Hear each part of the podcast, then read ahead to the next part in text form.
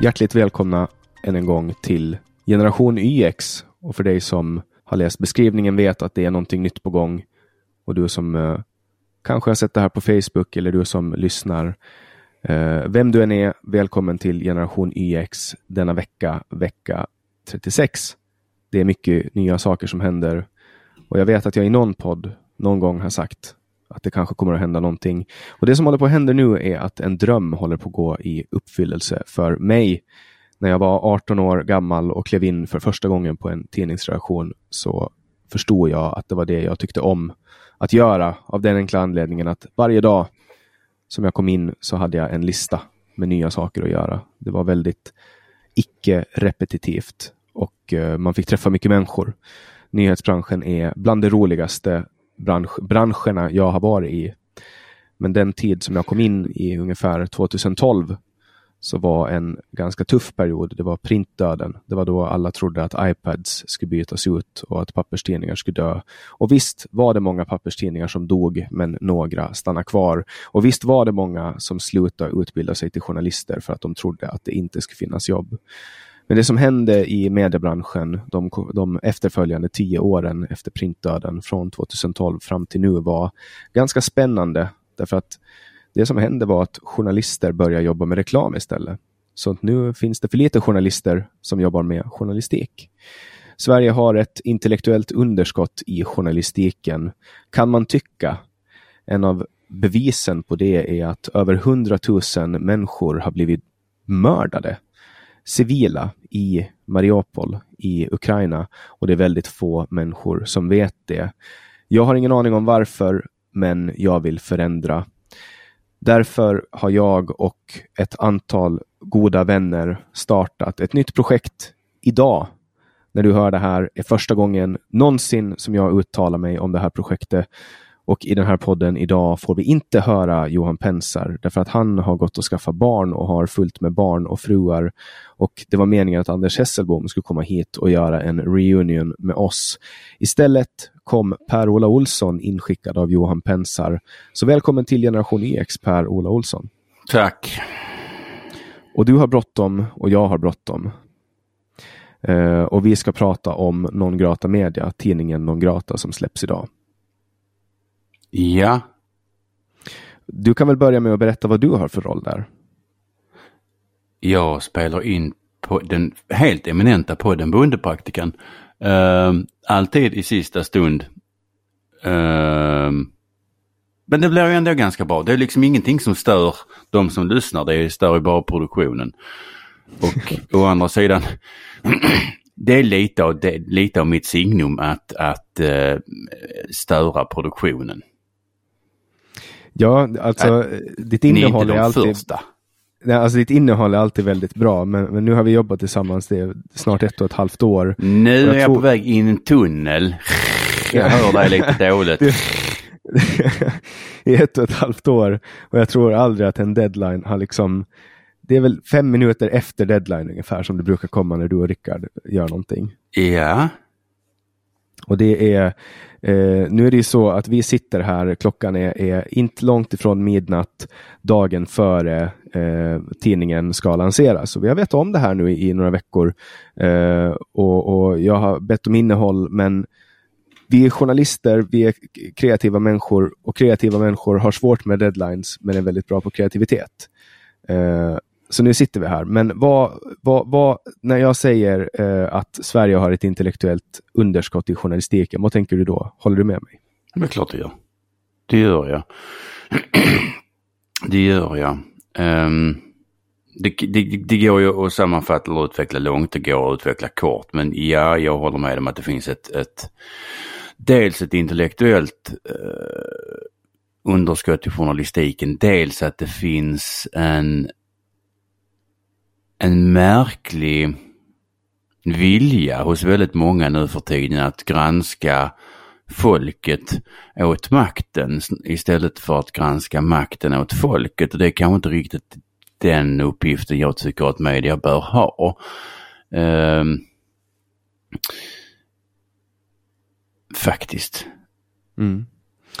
Och nu får vi nästan svänga om Uh, för senast du var med i uh, min podcast Samtal, då blev det du som intervjuade mig. Ja. Uh, och, jag nu... tänkte jag skulle göra likadant idag igen. ja, vi, vi ju, när vi ändå har hittat ett format som funkar, varför sluta? Så här, om, om ingen vill intervjua mig, då får man väl ta in Per-Ola som intervjuar mig åt mig i min podd. Ja, det är, alltså, så fort det är skitgöra som ska göras, liksom så är det jag intervjua Jannik, rensa folks reningsverk. Exakt. Ja, du har inte läst min ledare fortfarande som jag skriver, men jag nämner faktiskt bajsbussen i den. Åh, bajsbussen.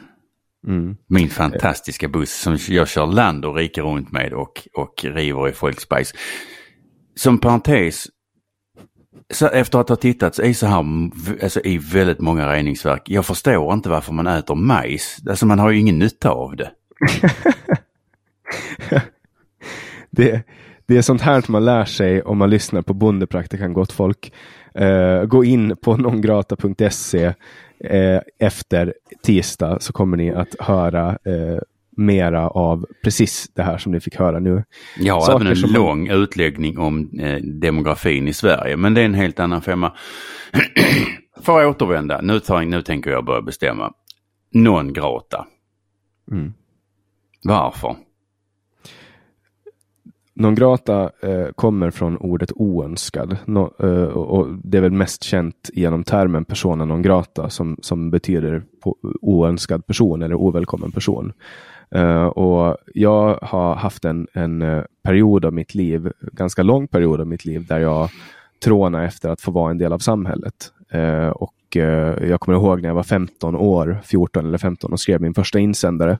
Då skrev jag den om narkotikapolitik. Och när jag har gått tillbaka efteråt och kollat på den så har jag sett att det jag gjorde var att jag kollade på vad människor ville höra och så sa jag det. Och när jag fick eh, positiv eh, bekräftelse för någonting sånt så gjorde jag mer av det. Och på det sättet så blev jag en del av ett etablissemang som hoppade. Liksom. Jag, jag satte upp fingrar i luften och kände vilken åsikt är det jag ska hålla nu, vad gillar folk och sen gjorde jag mer av det.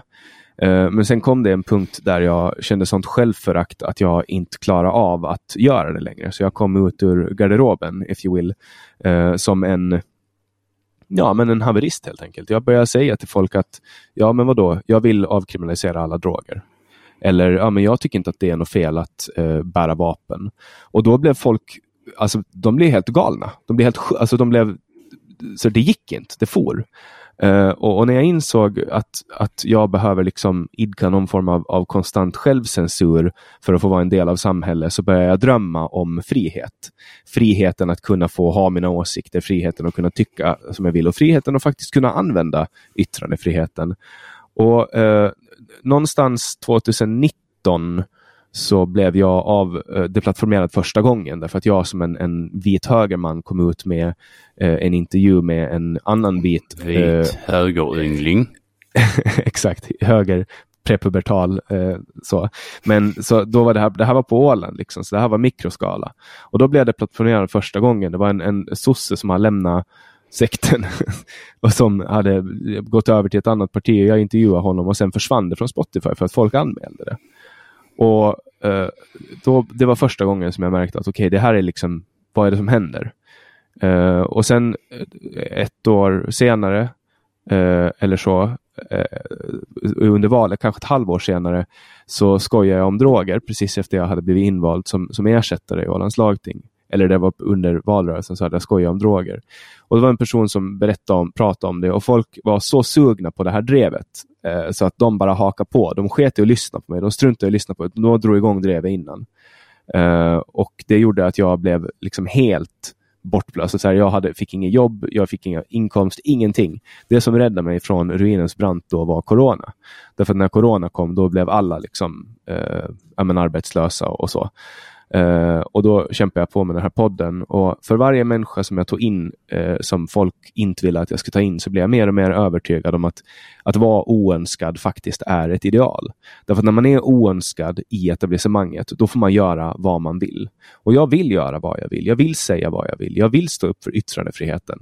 Uh, och därför så har den här idén grott i mig ganska länge.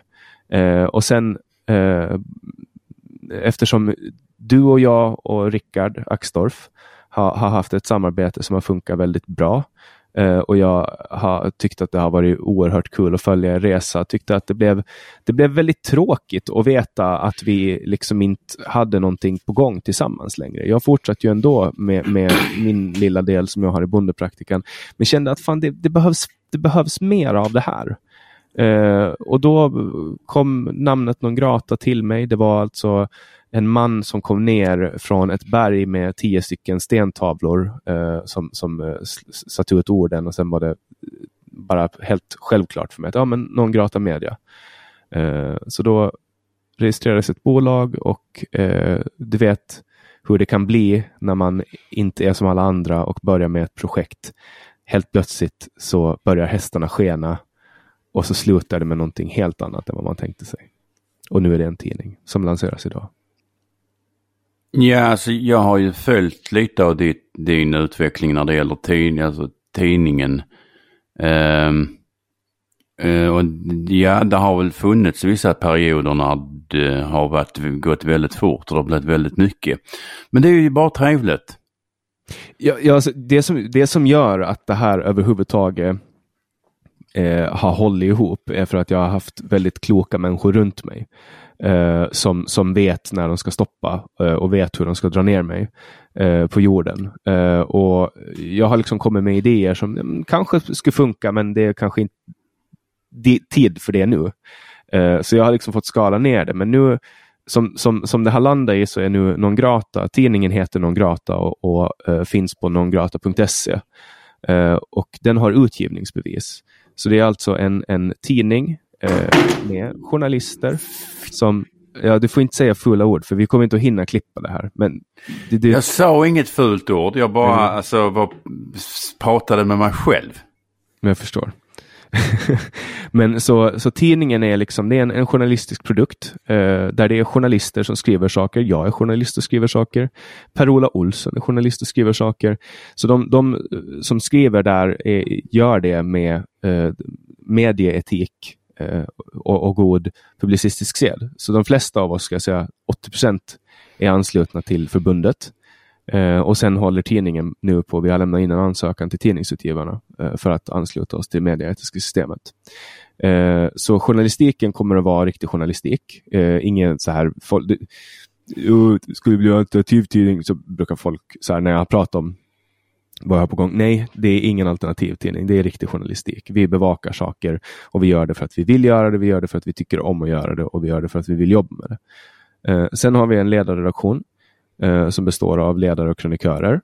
Eh, och eh, den leds då av, eh, i, i, av mig, för att det är jag som skriver ledare. Och sen har vi Rickard Axdorff som kommer tillbaks när valet är klart. Och sen har vi ett gäng eh, redaktörer, eller vad, vad heter det, krönikörer. Krönikör. Per-Ola Olsson, Emil Nilsén, Paolo Roberto, den famöse trippelmördaren Rickard Aron Nilsson, eh, också kallas för Triplis av mina vänner. Och sen har vi Johan Pensar. Eh, så vi har dragit ihop några eh, skribenter. Och eh, den som kanske folk pratar, kommer att prata om mest, förutom Triplis som eh, väldigt många har, pratar och tycker om att associera med mig. Uh, och jag har inga problem med det, för han skriver också för den här tidningen. Men det är väl Paolo Roberto.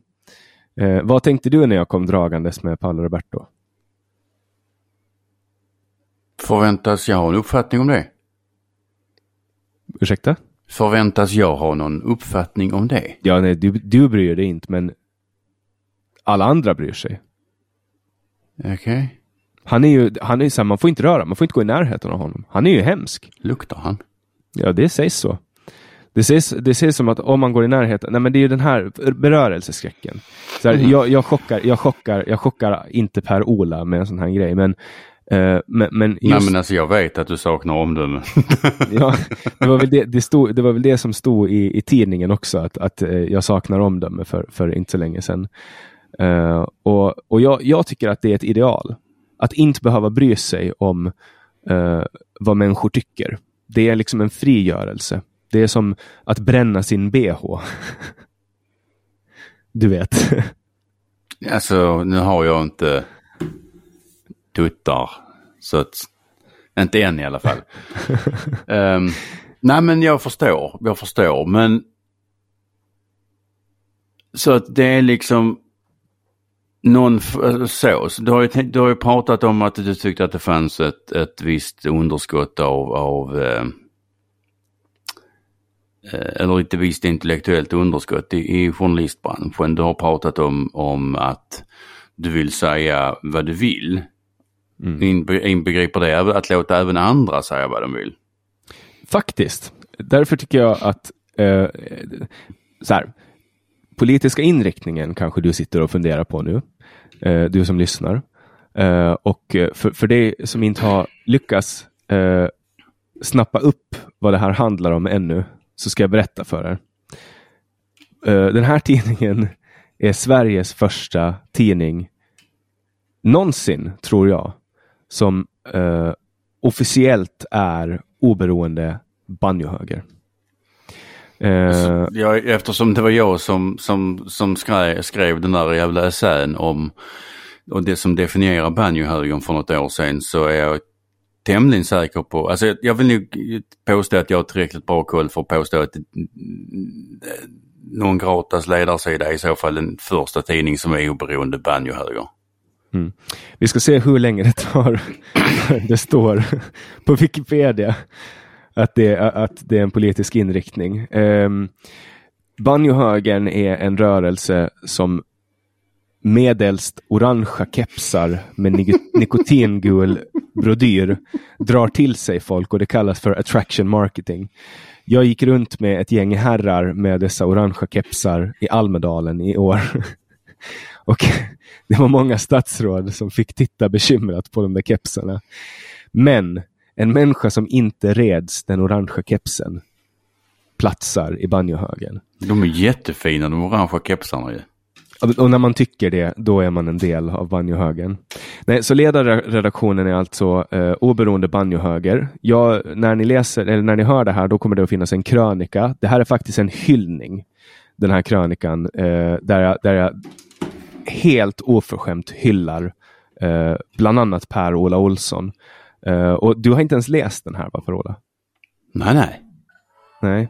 Då, då, då tror jag, jag hoppas att du blir glad uh, när du får läsa den här krönikan, därför att jag la ner jag la ner en hel del tid på att få den, men jag, jag, jag läser upp slutet och, och nu, nu, nu, reserverar jag mig för att det här är alltså en, en oredigerad variant. Den kanske kommer att ändras, så när, när det här går ut, jag kommer inte att klippa om det här, utan eh, så det här är det här är eh, slutet eh, på krönikan. Och jag, jag tror att inte alla kommer att förstå det här, men jag ska förklara referensen sen. Men jag vill se Per-Olas reaktion när han hör det här. Vi kan inte längre tolerera att Sverige styrs av politiker vars enda exponering till landsbygden sker i tv-soffan när de tittar på Gustav Mandelmann som kryper runt med en liten sax i sin trädgård. Det är inte så livet för en skånsk bonde ser ut. Verkligheten är någonting helt annat. Vad gör vi när två jobb på sidan av lantbruket krävs för att en skånsk bonde ska kunna betala sin elräkning? Svaren, som inte kan återfinnas i Mandelmans magiska trädgård, finns ironiskt nog på en bondgård strax intill. Där bor nämligen en bonde som bär en orange symbol för hopp på sitt huvud. Han har den på huvudet när han kör runt i en skåpbil som han kallar för bajsbussen för att utföra service på andras reningsverk. Han har den på huvudet när han säljer fler texter än han hinner skriva, bara för att kunna mäkta med det pris på el som så många bönder nu måste betala i Sverige. Den här märkliga rörelsen kryper sig närmare och närmare städerna. När du kan höra skriet från vildmarken eka mellan betonghusen, när de orangea kepsarna bland ministrar och sepovakter, när, när du ser de orangea kepsarna bland ministrar och sepovakter i Almedalen, då kan du vara säker på att kusinen från landet är tillbaks igen. Ingen vet var de kommer ifrån eller varför de bär dem. Men på sina huvuden har de orangea kepsar med nikotingula brodyrer som bokstav bokstaverar och stavar ut namnet. Som också har blivit en symbol för denna märkliga rörelse som kallar sig själv för banjohögern. Ja, men det var väl bra. Vad gillar du referensen? Jag gillar det. Det där är alltså en real life referens. Jag gillar den. Och för, för er som inte eh, känner till det så bor alltså Per-Ola typ granne med Mandelmann. Ja. Eh, och därför tyckte jag att det var en passande referens. Eh, jo men det, det, är det. Det är ju... jag gillar Gustav och Marie, eh, men eh, deras program är ju underhållning, det är ju inte en dokumentär. Nej, och det är ju inte så att de tar fram kameran och filmar lite så här spontant, utan det föregås ju av ganska mycket screenwriting. Det skulle jag kunna tänka mig. Usch, men okej, okay, så att du har alltså för att värna det fria ordet och kanske eventuellt höja, eller i alla fall med ambitionen att höja den intellektuella nivån i journalistbranschen, startat en tidning. Yes, precis så. Uh, och den här tidningen är gratis att läsa. Um, det innebär att ingen behöver betala någonting för att läsa den. Uh, och uh, då kommer folk att undra, ja men hur har ni haft råd? För att folk tror att det är dyrt att starta tidningar i Sverige. Och det kan det ju vara, beroende på vilken affärsmodell man man väljer. Men eftersom det finns ett antal människor med i det här bolaget som har väldigt mycket erfarenhet av uh, olika former av bolag och så vidare. Uh, så tack vare det så har vi skapat en modell som vi kommer att kunna bygga den här tidningen med eget kapital. Uh, och Det kommer att finnas annonser på hemsidan. Eh, det är en intäktskälla och så kommer det att finnas annonser i poddarna. Eh, sen har jag också hört men det är, väldigt, det är, det är bara ett rykte att det kanske någon gång någonstans kommer att finnas banjohögerkepsar. Men ingen vet var de kommer ifrån, de bara dyker upp. Uh, det, det, legenden säger att det är en arg tant uppe i Norrland som broderar dem. Uh, och att ibland när man ringer och frågar var de är så drar hon ur telefonsladden och svarar inte på två veckor. Och när hon väl svarar så är hon arg. Men jag har hört att det kanske... Så, okay, så hon är folkilsken och uh, håller inte deadlines? Ja, en journalist alltså? Ja, en, en, en banjohögerjournalist. Ja. Nej, men så det, det är affärsmodellen. Eh, sen eh, kan ni också eh, förvänta er eh, live-events. Eh, Per-Ola får aldrig nog av att framträda inför folk eh, och inte de andra heller. Och så kan ni förvänta er eh, att vi har ett nyhetsbrev som ni gärna får gå in och prenumerera på. Om allting funkar eh, imorgon så kommer ni att hitta det nyhetsbrevet. Och sen får ni också gärna stödja det här projektet eh, genom att swisha 073 382 2496. Alla pengar går till att täcka kostnader för att driva någon grata, för det här kommer att vara kostnadsintensivt i början. Det finns en liten flik uppe i högra hörnet om ni är från desktop och i menyn på mobil eh, där ni hittar en länk. Eh, Bondepraktikan kommer att publiceras eh, via eh, non grata. Ni kommer också hitta den där ni har hittat den förut. Eh, och sen kommer även Generation IX, den här podden, eh, Samtal, min andra podd. Eh, och sen kommer det att startas lite nya poddar. Eh, men före vi går in på det så ska jag berätta att Emil Nilsén, eh, fram, Sveriges nästa stora skribent, han är med. Han har podden Vi måste prata som flyttar till Nongrata och så har vi också Skriet från vildmarken. Därför att då har den här masen hitta en eh, liten psykolog som heter Agneta som är helt otrolig. Jag tror att det är den enda öppna eh, psykologen i Sverige som är 60 plus som går runt med en banjohögerkeps. Eh, men flera ska det bli. Och sen har vi kanske det stora numret och det är Paulos podcast. Vad tror du att, vad, eh, eh, bedömer du att den har pot, pot, eh, kommersiell potential per år? Alltså, alltså, med alltså eftersom folk de lyssnar på mig och Rickard i ganska stor omfattning så ska det väl kunna vara någon som har så dåligt omdöme som kan lyssna på Paolo också. Ja, de har ju hört honom ganska mycket förut men eh, man får, man, de får aldrig, man tröttnar aldrig på eh, att älska att hata Paolo. Ska jag hålla live-framträdanden alltså? Ja. Förväntas jag vara påklädd? Ja. Fan.